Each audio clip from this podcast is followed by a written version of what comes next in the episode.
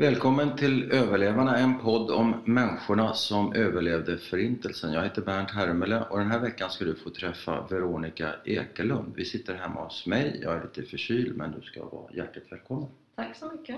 Nu är inte du en överlevare men du har personliga erfarenheter av överlevande. Berätta. Ja, jag har vuxit upp med överlevare.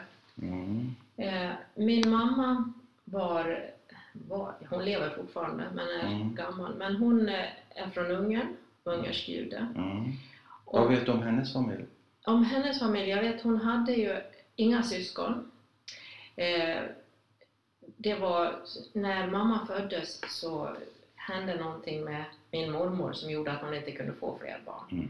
Eh, mamma föddes tre månader för tidigt, 1919, Mm. på landet Mm. utan kuvös. Oj. Och bara att hon överlevde det Mm. är ett mirakel. Mm. Sen att hon innan hon var ett år hade spanska sjukan och överlevde det Ja. fast hon var så liten. Det är Ja. också ett mirakel. Och sen att ha överlevt hela kriget Ja. vad det innebar. Ja. Det är inte annat än man måste tro att det är någon mening med livet Ja. emellanåt. Var, var bodde de någonstans? De bodde nere vid Balatonsjön, Mm. ett ställe som heter Kesthei. Mm. I Ungern. I Ungern, ja. Och vad jobbade hennes föräldrar med? Vad hette de förresten? De hette Oskar och Aranka Erdős. Eh, morfar hette från början Posner, Ja. som tyder på att han var en jude ifrån Polen. Ja. Men eh, han, bytt, han konverterade till katolicismen tillsammans med sin fru och Ja. dotter, min mamma alltså. Och då, eh, mamma kommer ihåg att hon fick lära sig att från och med nu säger de, frågar de vad du har för religion så är du katolik. ja. Punkt slut. Det, det var vad hon fick veta om det här Ja. egentligen. Och när är det här ungefär? Eh, Det måste ha varit på 20-talet. Ja. eh, 25, 26, nå- någonting. Och eh, morfar hade haft höga positioner i, eh, i Ungern. Men sen togs ju privilegier- privilegierna bort ifrån judar. Mm. Så han, eh, han hade, de hade varit, eh, haft hand om ett stort statligt hotell uppe i fjällen där politiker, världspolitiker, eh, idrottsmän, kända ung- ungrare hade kommit på semester på resort. Där fanns läkare, det fanns alla möjliga behandlingar där. Drev han det hotellet? Eller var Ja, han, ansvarig för- han var ansvarig för det och eh, mormor var ansvarig för personalen. Ja. Men vet du någonting om bakgrunden till konverteringen från judendom till katolicism? Nej, men jag misstänker. Jag, jag misstänker, men tyvärr så har jag ju glömt, visste jag inte om det här och har inte frågat mamma. Mm. Eh, och hon kanske inte vet det heller för hon var ganska liten. Men jag misstänker att det är samma sak som att vissa invandrare i Sverige byter namn till svenska namn. För de bytte alltså till Erdős som betyder skog. Eh, Namnet förstår jag lä- lättare. Eller Ja. jag förstår att man kan byta religion, men jag tänkte på religionsbyte. Ja. Eh, mamma berättar om en sak som hände då under första världskriget. Ja. eh, som morfar var ute i och Ja. där mormor var eh, frivillig Röda Kors-syster. Och morfar blev skadad. Han blev skjuten. Ja. I Så- första världskriget? Ja. Ja. Och han låg, med, eller inte medvetslös, men han kunde inte röra sig. Han låg en hel natt på en kyrktrappa Mm. där portarna till kyrkan var öppen och han såg krucifixet. Mm. Och på något sätt så har han sagt att där hände någonting Ja.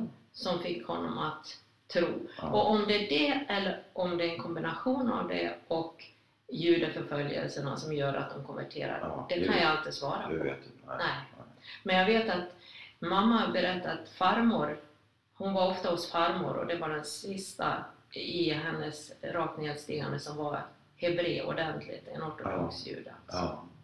Du sa att han förlorade det- här jobbet, det här fina jobbet han hade. Ja. När var det och varför? Eh, Det, det var för att han var jude. Men han hade väl konverterat? Ja, men det spelade Det ingen spelade roll. ingen roll. Det ungarna. ingen roll. Och när, när sker det här då? ja, när sker det? Jag vet faktiskt inte Nej. riktigt när. Men det, det måste ju ha varit ett tiotal år. Jag väntar för att se, mamma var ju, när hon var tio år, Ja. det har jag ju kort på, så, så gick hon ju fram nattvarden Jaha. och det måste vara 29. Jaha. Och då var de fortfarande, och de var uppe i det här hotellet. Jag har sett henne med skidor och i badklänning och så när hon var 18. Oj. Och när var det? Då, om man är Ja, född är väl 19. nästan framme nästan 39 men inte riktigt va? Ja, just det. 19, 37 eller något sånt Ja, där. precis 37. Ja. Ja. Och strax därefter hände det. Och då köpte morfar en eh, vingård Ja. som de skulle försörja sig. Ja. Eh, och där bodde de ju och eh, hade det väl ganska bra tills då, då plötsligt så skulle de ju till gettot. Budapest? Eh, nej, inte getto? Nej. Budapest. Utan det var i, I den här- i Kestheim. Ja, i den staden alltså. Ja, precis. Och kan det, när kan det vara i tiden då? Då var hon, nu ska vi se, hon var väl, hon var där ett år, hon var, ja hon, hon måste vara 22 eller 23, så 19 Ja. plus 22 det är alltså 41, Ja. 42 Ja. nå, någon gång. Och vet du någonting om hur den förflyttningen gick till? Vad som hände med det? Bodde de i ett hus, i en lägenhet? Vad som hände då med... var det, det var ju den klassiska gettobilden. Ja. De får reda på att ni ska förflyttas, ni får inte vara kvar här, ni får ta en varsin resväska med er. Mm. Och så in i den här staden de har byggt murar och Ja. de har byggt, byggt ja det, det är ju eh, tyskar som står där och vaktar dem. Ja. Och där så får de dela lägenheter ju med massor med familjer. Mm. Och eh, de hamnar högst upp under taket och det är fruktansvärt varmt. Så hon, berättade om att de satt upp lakan för att skärma av sig Ja. sin familj. Ja. Och det var ju hon och hennes föräldrar, hon hade ju inga syskon. Nej, och hennes pappa hade inga syskon som... Han hade två bröder och var de tog vägen det vet jag inte för Nej. de levde efter kriget Ja. och tog, fick ta hand om eh, vingården. Okej. Det, det fick de försörja sig med. Mm. Eh, eh, fast det var ju mammas egentligen. Ja. Men hon vågade aldrig åka ner och, och försöka få tag på det. Hon, hon var rädd för att lämna familjen igen och hon var rädd för att kommunisterna inte skulle låta henne återvända. Ja. Eh, Ja, det var mycket rädsla i mammas liv efter. ja. Inte, Efter så, kriget. inte så konstigt kanske. Nej. Men, Så vad vet du om livet där i gettot? jo, det, det var... Det, det här är ganska mycket. Mamma hade ju aldrig behövt arbeta så att säga Nej. tidigare. Men här så blev hon satt att eh, sköta, hon ska vara trädgårdsarbetare och sköta eh, något runt, det fanns ett slott utanför eh, gettot. Ja. Eller slott och slott, men, men där, där bodde fint folk och där skulle hon sköta trädgården. Ja.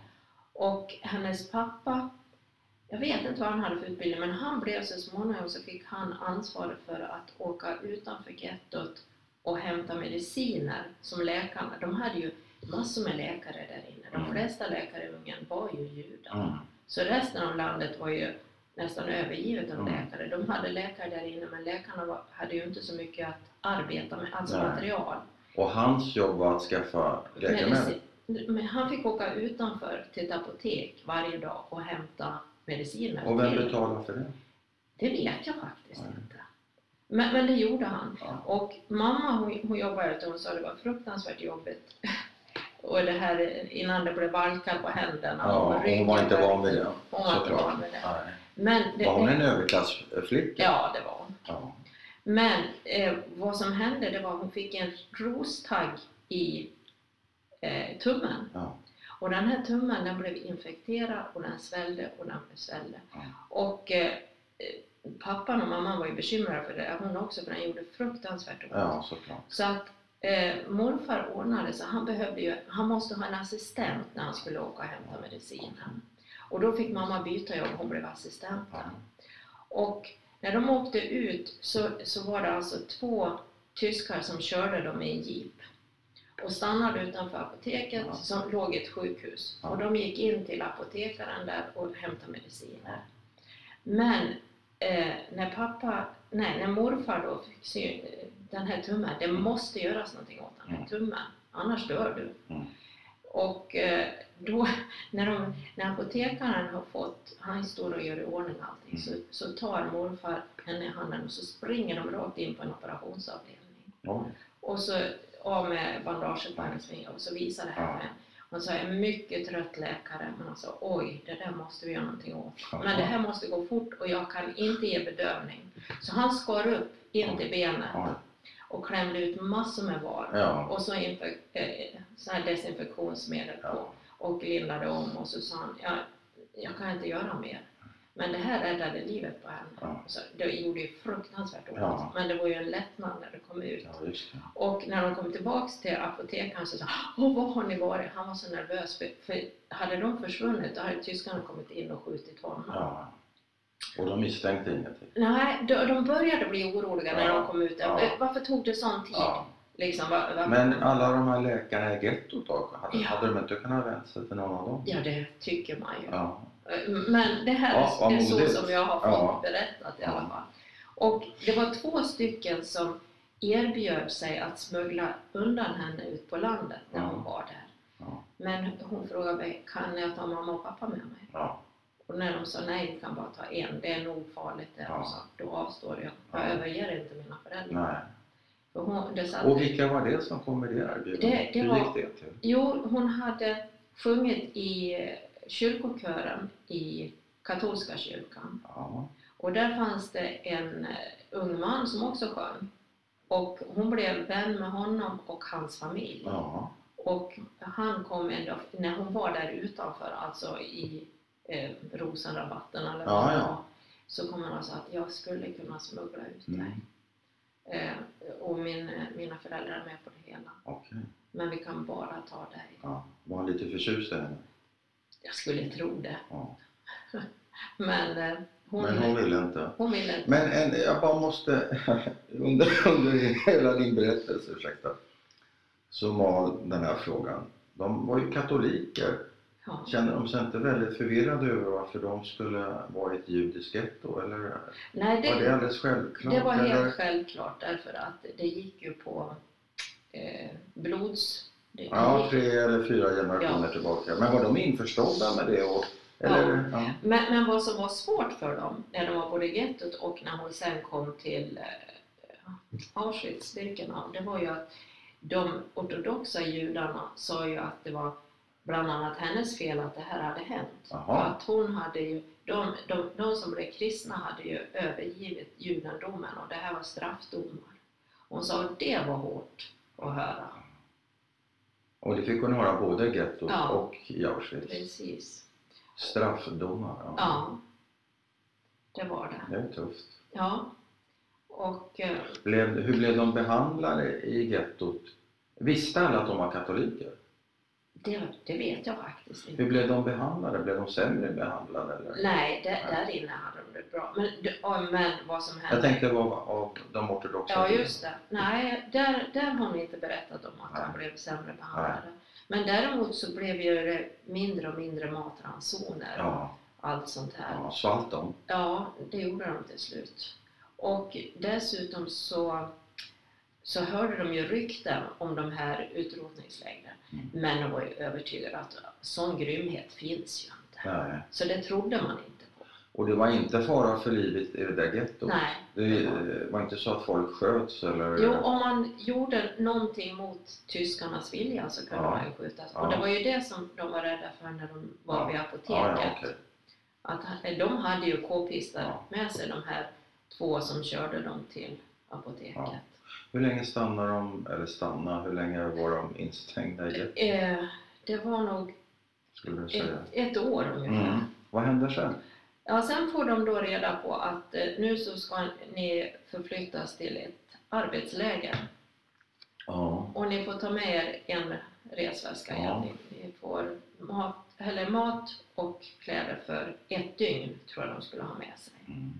Och sen så visar det ju sig att när de kommer ner till stationen så är det ju de här godsvagnarna. Mm. Och när man har sett hur små de är Mm. och så Har, vet- du, har du gjort Ja, det? Mm. jag har varit i Auschwitz och Mm. sett det. Mm. Och, och där klämmer de in 80 personer. Mm. Och det finns inte plats för 80. Ja, man står som packade Ja. sillar. Ja.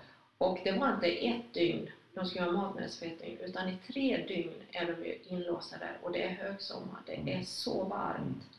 Och eh, det finns en hink som toalett i ena hörnet Mm. och den var ju snart överfull. Mm. Och eh, där, det hände ju att någon gammal och svag dog där Ja. också. Ja.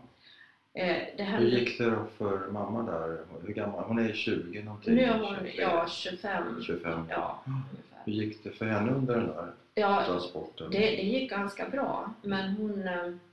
dina, Det, det var jobbet, ja de överlevde ju det alltihop. Vad hon berättade också det var att de ortodoxa judarna, de, det finns något där som heter en patriarkalisk välsignelse. Alltså en Mm. far ger sina barn en välsignelse innan de dör eller något sånt här. Mm. Och det gjorde flera av fäderna till Mm. sina barn. Man brukar väl kalla det för en prästerliga Ja, välsignelse, tror nå, någonting ja. sånt där ja. Och eh, så, så sa min morfar, jag ska ge dig en sån också. Fast- Sa han till dottern, mamma, din mamma? Ja. Eh, och, eh, men han gjorde det på ungerska, de andra gjorde det på hebreiska. Hon kunde ju inte hebreiska så hon Nej. förstod ju inte vad någon av de andra sa. Nej. Men så jag förstod ju min far, han gjorde det på ungerska. Ja.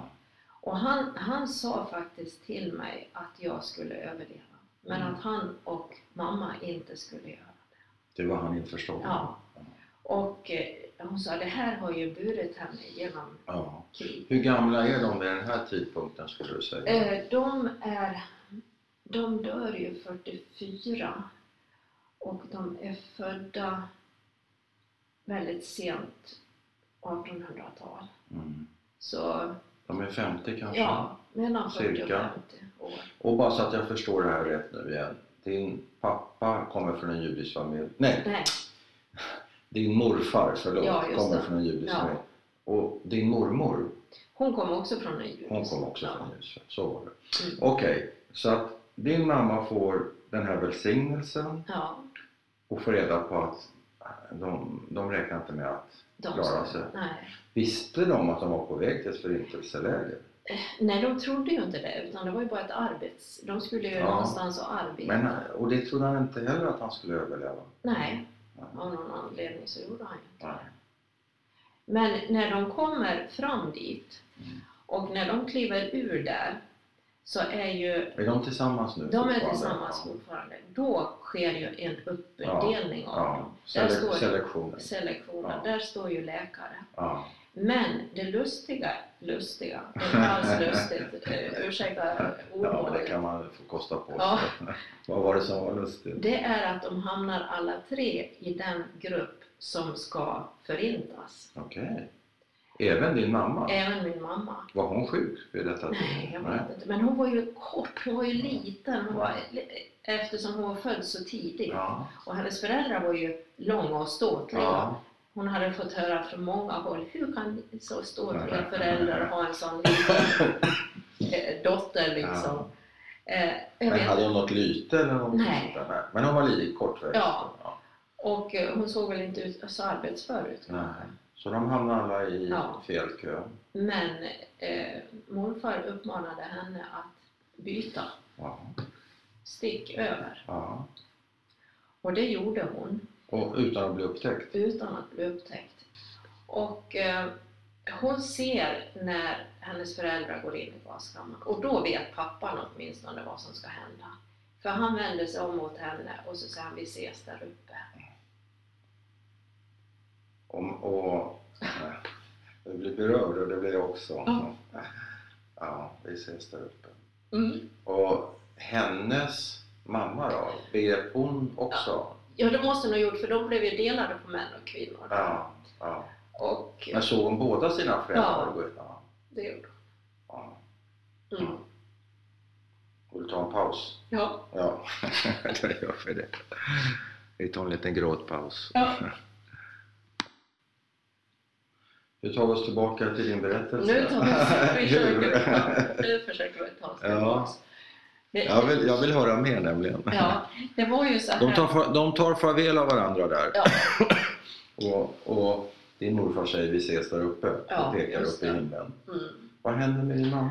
Hon... eh, Är Ja, hon, är, dum fråga.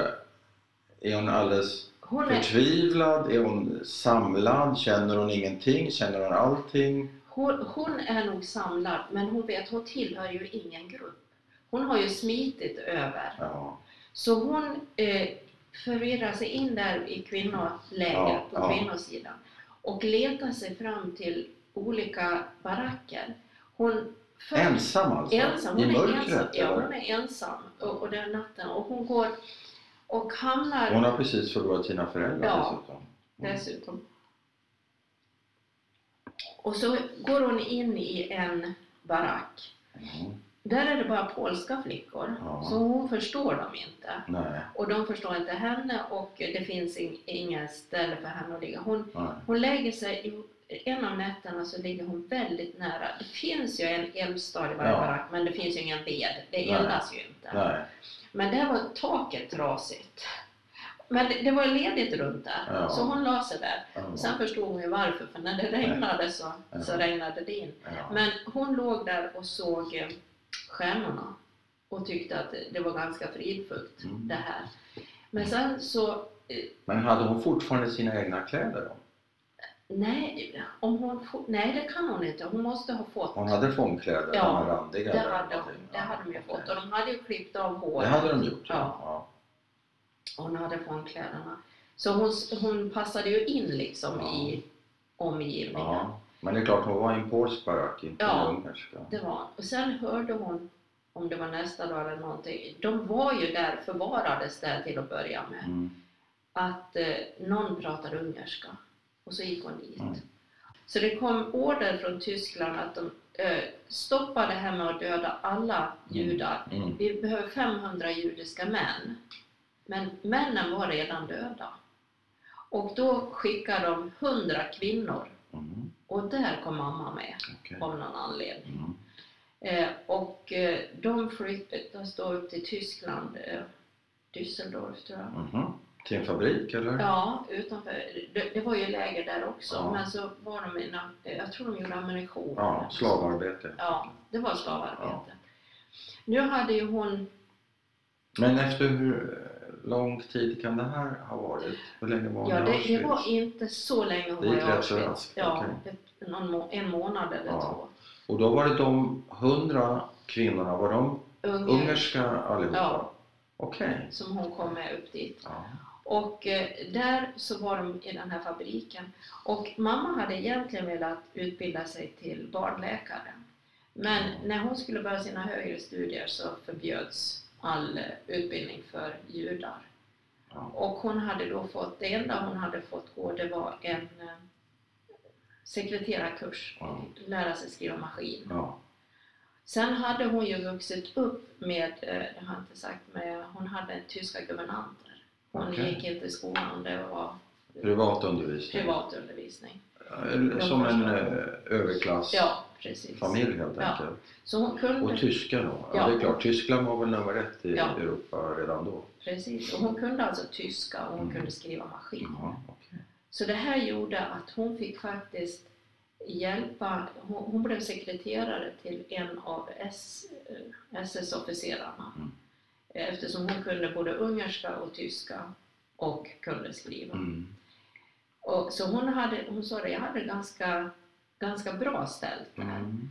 Tills han eh, ville ha henne som älskarinna också. Mm. Då blev hon vansinnig. Mm. Hon har sånt temperament, min mamma. Så Ja, jag, okej. jag kan se hur det slår gnistor henne. Ja, Och hon, hon blir så arg, hon skäller ut honom efter noter. Du är gift ja. och jag är inte gift Nej. och vi är inte, framförallt inte gifta med varandra. Aldrig i livet. Nej, Det vågar hon säga Ja, alltså? det gjorde hon. Eh, Hon har vågat säga mycket där under kriget må du tro. Och du ska höra efteråt också Ja. när hon är i Tyskland. Ja, Men det här gör att han blir ju så arg. ja. Och då säger ja då eh, åker du ut med de andra. ja. Eh, Du får ut på gatorna med dem och jobba. Mm. Okej, då gör jag det. Och det gör hon. Och när de är ute där så bombas den här fabriken. okej. Så tack vare att hon förnekar det hela så Ja. överlever hon den gången. Ja. Och vad gjorde de sa det ut på gatorna? Vad Ja, de det? hade, det, det var så mycket bomb, ja, alltså det var så sönderbombat. Ja, Så de här, det fanns ju många väggar kvar som måste rivas och det var ju livsfarligt Ja. att riva dem. Men det fick ju de göra. De fick upp och eh, klättra upp i de här ruinerna, sätta rep och dra kull eh, saker. Det, var, Kan det här vara 1944? eller? ja, det var det. Något sånt. Ja. Så det, eh, hon hade kunnat eh, dödas i, i det där bombanfallet? Ja, absolut. Och eh, sen så sa hon det, och det, det var ju så bra för det, det var vi, nu var det nog framåt vintern också. Mm. Hon sa att de frös ju så fruktansvärt i sina tunna kläder och, Ja. och tunna skor. Ja. Men när de var ute på gatorna så kunde de, de hittade källare, matkällare. De hittade en mjölkaffär där av hettan från bomberna så hade äggen blivit kokta, det hade blivit ost av mjölken i, i kannorna. Och Ja. det här smugglade ju de med sig. Ja. Eh, och sa, vi överlevde ju på det sättet. Mm. Och sen, sen en annan sak, också mirakulöst att de överlevde. Eh, när det blev nya flyganfall, bombanfall, Mm. så fick ju inte judarna, fångarna fick inte gå in i skyddsrummen. Och de var ute vid en stor park och gjorde någonting, ja de höll på med sina rivningsarbeten Mm. när det börjar, nu blir det flyganfall. Och alla som inte var judar de sprang in. Det fanns en stor eh, skyddsrum mitt i parken. Mm. Där, där gömde de sig och de här judiska flickorna de, de, hit, de, de sprang och letade efter någonstans att gömma sig och Mm. hittade, det fanns en, en public, vad heter det, allmän toalett så här Mm. som var nergrävd Mm. i parken. Mm. Och de sprang ner där och gömde sig. Och så hör de världens, världens brak. Tittar ut. Då har det eh, en fullträff av en bomb i det här skyddsrummet. Så alla där inne stektes till döds. Mm. Och de här judarna som inte fick komma in, de Mm. överlevde Mm. därför att de var i den här källarutrymmet. Men kände hon sig som judinna under, de här åren? Eller vad Ja. kände hon sig som egentligen? Jag tror bara hon, hon kände sig som, nej inte som judinna, hon kände sig nog mer som eh, Katolik? katolik. Ja. Ja. Men du sa att hon blev illa åtgången av, eller illa åtgången, att ortodoxa judar kritiserade henne. Ja. Var det i Auschwitz? Eller Det var var det... Auschwitz. Jaha, så det var under de, den korta tiden? ja, precis. Men var det män det? Nej, det var kvinnor. Det var ortodoxa kvinnor? I baracken Mm. alltså? Som menar att det var hon som hade dragit Ja, olika precis. över det judiska folket? Ja. Och det tog henne hårt? Ja, det måste det ha gjort där i, i den sorgen alltihop. Ja, just det. Han har förlorat föräldrarna och så Ja. kommer henne. Ja, Tufft. Ja. Ja, då är vi i en allmän toalett då och Ja, just har det. klarat livet en andra gång minst. precis. En tredje gång kanske. Ja, Ja, absolut. Det är svårt att hålla räkningen på. Ja. Sen så eh, kom hon ju, de bodde ju i ett läger. Som, de var ju där på kvällarna. Ja, vi är kvar i Düsseldorf nu. Ja, just det. Och eh, det dröjde ju inte så där jättelänge innan befrielsen faktiskt. Nej. Men innan eh, befrielsen så försökte tyskarna desperat eh, utro- döda de som var kvar. Mm. Eh, vi har ju hört talas om de här dödsmarscherna och Mm. allt möjligt. Men i det lägret hon kom så, eh, Vet du vad det hette? nej, Nej. det kommer jag inte ihåg. Nej. Eh, så kom tyskarna in, de hade haft väldigt, väldigt lite mat. Ja. Och så kommer de med, eh, oh, det finns te och det finns eh, bröd. Säger tyskarna Ja, vakterna? de kommer in med det, Ja. massor. Ja. Och folket springer dit, men inte mamma. Hon, hon springer, och då är det någon som säger till henne, men skynda dig, nu kan du få en hel limpa, när du kommer fram så kanske det är slut. Ja, men då är det slut. Hon, hon bryr sig inte om Är det. hon apatisk? Nej, jag tror inte det. Men, på något sätt så, ja, kanske åt det hållet, jag vet inte. Men när hon kommer fram så är det slut. Och hon får bara en mugg te. Ja. Men när hon ska gå tillbaks till baracken för att dricka det här teet i lugn och ro så ligger en döende man och ropar vatten, Ja. vatten. Ja. Och hon ger honom Ja. teet. Och så har hon ingenting. Nej. Och sen får de reda på att både teet och brödet var ju förgiftat. Så här har hon ju klarat sig igen. För det, det var ett sätt för dem att försöka skylla på det här att De ville städa upp efter Ja. sig. Och sen, men sen kommer då engelsmännen, amerikanerna. Och det, det finns ju så många som är så oerhört sjuka. Mm. Är din mamma eh, väldigt mager vid den här tidpunkten? eller? Eh, Det är hon. Vet du vad hon väger? Hon vägde ju 27 kilo när hon kom till Sverige. Och det är inte Men hon var kort? Ja, hon var hur, lång, hur lång var hon? 1,50. Ja, men ändå. Det, det är lite Ja. för lite. Ja, det är väldigt mycket Ja. lite för lite. Men eh, hon... Men vad minns, vad har hon berättat om den Jo, det, dagen? ja, det, hon har berättat mycket för att eh, det kom, hon sa speciellt det var en belgisk läkare som kom eh, och som frågade, det, tyfus hade ju brutit Mm. ut, det fanns tyfus. Och eh, då hade mamma, hon hade fått den första tyfussprutan innan eh, kriget. Mm. Men inte hunnit få den andra, man ska tydligen ha två. Mm. Men hon hade lite skydd i alla fall. Och dessutom hade hon gått en Röda korskurs också, Ja, det sa jag inte. Men i samband, hon fick ju inte bli läkare men hon gick. Röda korskursen. Och hon, eh, så att hon eh, blev så att säga inte anställd men hon fick hjälpa till att sköta de sjuka och hon blev assist, mer eller mindre assistent till den här belgiska Mm. läkaren. Och när det hade gått ett tag eh, så fick ju hon tyfus i alla fall. Eh, hon, hon hade två olika sorters tyfus Mm. och hon låg medvetslös de, i 14 dagar. Jag vet inte om man kan ligga medvetslös så länge men Men var hon kvar i det lägret då var då? hon kvar i Ja. det lägret. De Hon var medvetslös Ja. i två veckor. Och de hade lagt undan henne på den bänk där de som skulle dö liksom låg. Ja. Men hon, hon vaknade till och den här läkaren hon hade jobbat med, då hade under tiden då hade Folke Bernadottes bussar kommit. Ja. Och de kom ju ner för att hämta nordiska Ja. fångar. Ja. Norrmän och danskar. Ja, precis. Men de fick med sig 57 judar också. Och mamma var en av dem. Hon var också jude. Ja. Och då den här eh, belgiska läkaren han sa Åh, det, det går en buss till, till Sverige, jag vill att du ska med på den. Okej. Men för, för det så måste du ha någon sjukdom som vi inte kan klara av, Nej. utan det, som de Ja. måste fixa. Måste behandla i Sverige. Som sa, eh, vad, vad ska vi... Du, har du din menstruation? Men hur pratade de? Tyska Nej. skulle jag Okej.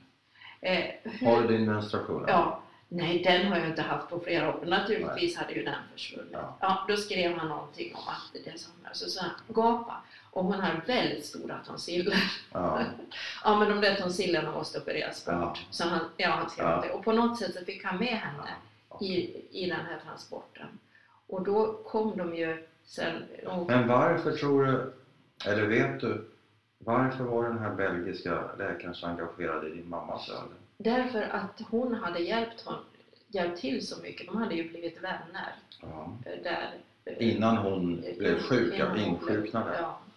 Tack vare att hon hade gått den här kursen. Okej. Precis. Mm. Så att eh, han, eh, han såg till att hon kom med helt enkelt. Ja. Och då åkte de ju båt upp till Malmö. Och sen så bussades de Och vilket skick var hon Då den här resan? då var hon dåligt hon skick. risig. Ja, hon, eh, och de kommer upp till Göteborg. Och i Mölndal så har de, nu är det ju sommar igen, så har Mm, de 45. inrett en skola eh, över sommaren där Ja. som rehabiliterings... Ja. Så där, och hon sa det att komma in där och få lägga sig i en säng med rena lakan Ja. och täcken. Det var ju himmelrikt. Och, och sen så småningom så hamnar hon... Eh, det, det behövs ju rehabilitering, det behövs Mm. eh, läkarvård och allt det här. Men eh, sen så tar också Röda Korset på något sätt engagerar ju sig i de här flickorna. Och, de får åka upp till Lokabrunn eh, som eh, på eh, rehabilitering. De är Mm. där i flera veckor. Mm. Och dit kom det, eh, dels så kom det präster från Svenska kyrkan och frågade om de ville konvertera till kristendom. Och det gjorde en del, för nu var de så rädda för allt vad det judiska hette. Så en del, vänta ett tag. Det ligger alltså överlevande från förintelsen Ja. och knappt lever. nej, Traum- men, men nu när de är Ja, men okej, Lokabrunn- men traumatiserade och Precis. trasiga till Ja. tusen. Och då knackar det på präster och vill döpa dem? Ja. okej. Men det fick de göra alltså? Det fick de. De släpptes fram. Ja, Vad tycker du om det? ja det, det, är ju, det borde ju vara psykologer och läkare. Ja. Men de har ju aldrig fått någon sån hjälp. Aldrig. Nej. Men det var också andra som kom dit och frågade om de ville åka till Israel eller till Ja, ja. USA. Och sådär. Ja, så. Det, det var mycket. Det var lite av varje. det var lite av. Och många ville väl åka till kanske i första hand. USA och kanske i andra hand Israel för. Precis. Men mamma hon sa Men mamma ville inte det. hon kunde inte bestämma sig. De fick åka tillbaka till Ungern också om hon Ja. ville. Men hon sa, jag har ju ingen familj kvar. Nej. Vad, vad ska jag? Så medan hon skulle bestämma sig så var hon kvar i Sverige. Ja. Och när de ansåg att hon var tillräckligt eh, återhämtad och hon var stark så, så fick hon eh, en praktikplats Mm. på ett, eh, vad heter det då, ett café, ett, Mm. ett matställe, Mm. inte café utan ett matställe i Mm. Långshyttan i Dalarna. Och eh, där, hon hade ju aldrig lagat mat heller. liksom. Men, men hon, hon sa hon lärde sig en del där. Och hon fick väl börja med att servera och göra Ja. lite enkla saker.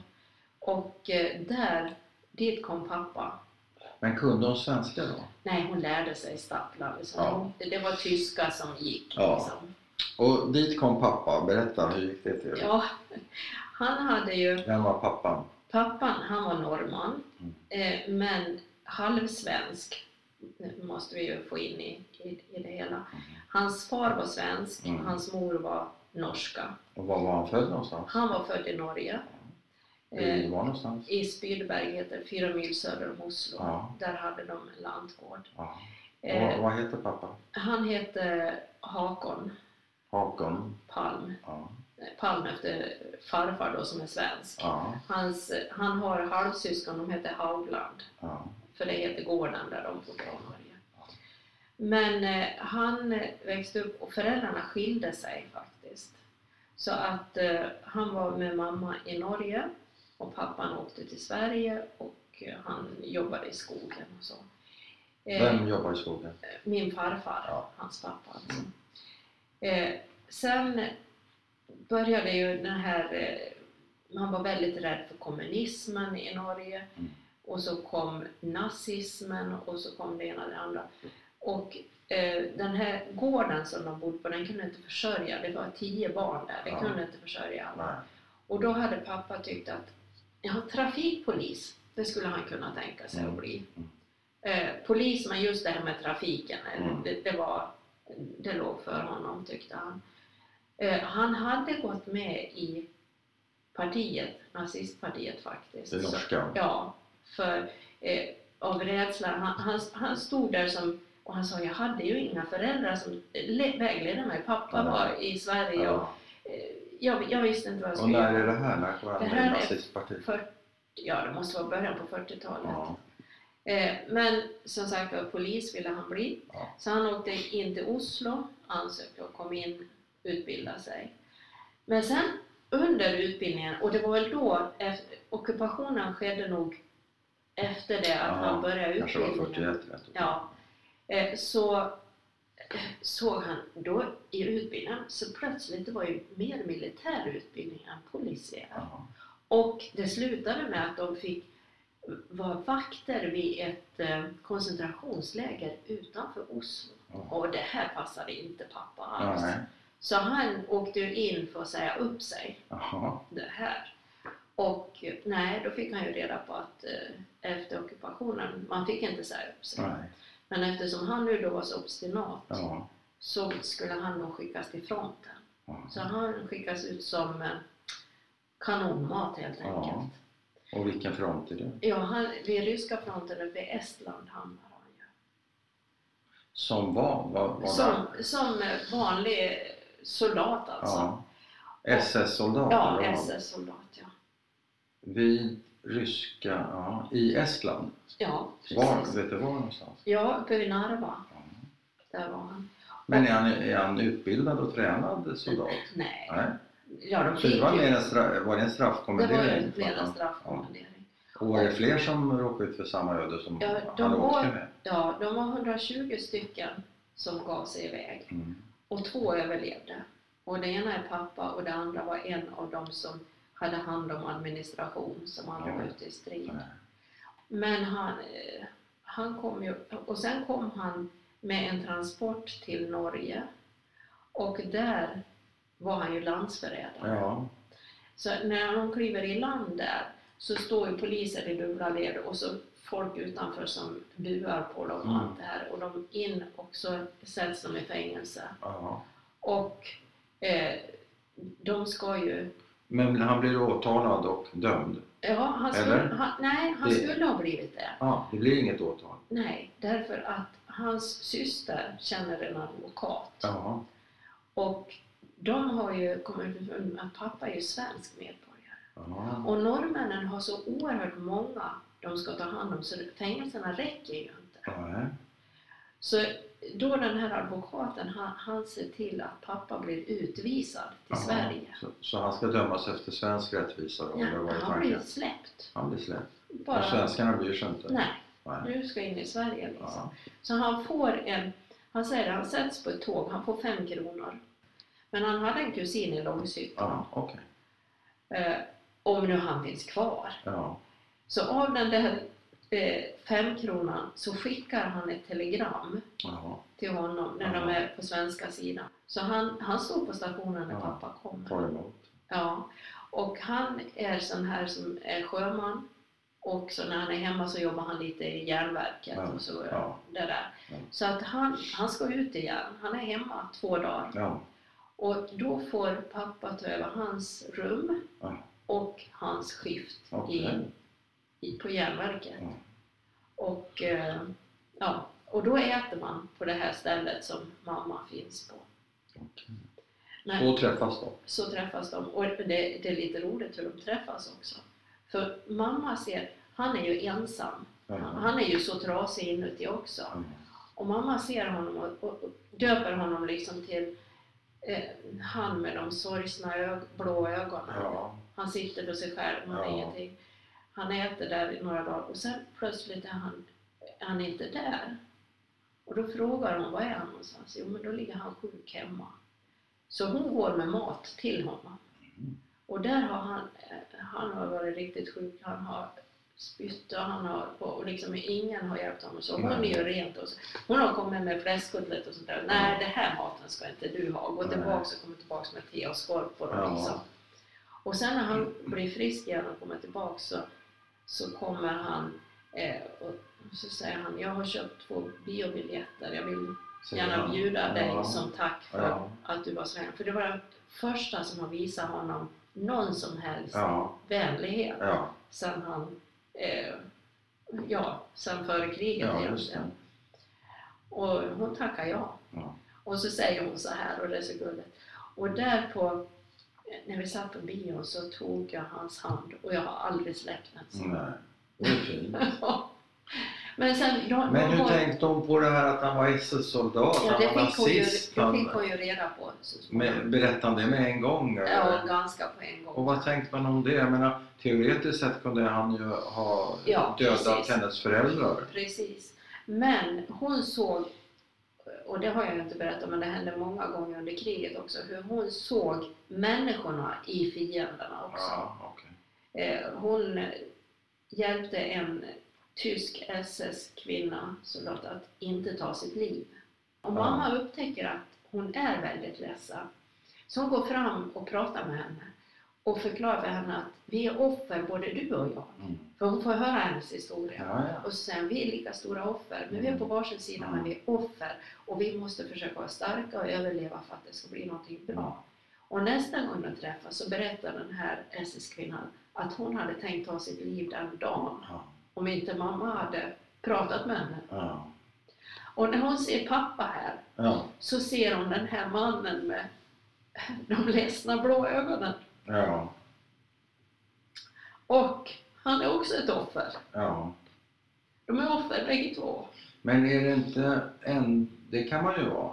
Men han har ju ändå varit vid fronten och Ja, gissar jag dödat folk. Och Ja, han han. var ju ändå, gick ju ändå in i nazistpartiet Precis. och han gjorde ju massa val ändå. det gjorde han. Han kan ju vara offer för all del. Men Ja. han har gjort en del frivilliga val, en del inte frivilliga Ja. val. Kan man, så kan man väl sammanfatta det. Ja. Hade, var det helt... Eh, hur ska jag säga? Eh, täckte kärleken över allting eller fanns det... Det täckte över allting. Men när de hade varit gifta några år, de hade två barn, väntade mig, så eh, kom de i kontakt med mormoner. De, de, de går ju ut två och två missionerar så att Ja. säga. Och de knackar, då bodde de i Borlänge. Ja, var... De knackar på där alltså? Ja, De brukar se rätt prydliga ut med Ja, vita skjortor och slipsar. och- Ja. Ja. och eh, det var mamma från början som blev mest intresserad. För hon, hon skulle ställa mot väggen och Ja. ställa de här frågorna som hon hade ställt till katolska präster. Ja, ja. Och det där får du aldrig något svar på. Och så får hon svar på det. Mhm. Och eh, så hon blev mer och mer intresserad. Men hur konstigt, de här kan ju svara på de här frågorna, Mm. existentiella frågorna som Mm. jag har. Mm. Och sen så fick de ju så småningom en mormonsbok Mm. som är, är ju lika viktig för oss som Bibeln är. Mm. Vi, vi har bägge två. Mm. Och eh, den läste ju pappa, ja mamma gjorde det också. Och i den så står det liksom ett sånt här löfte att om du med uppriktigt, uppriktigt hjärta ber om att få reda på om det här är sant, Mm. så, och med tro, så, så får du det. Ska vi sätta punkt eller vill du lägga till något? Nej, det kan vara bra så här. Mm. Då tackar jag så mycket. Tack ska du ha. Tack.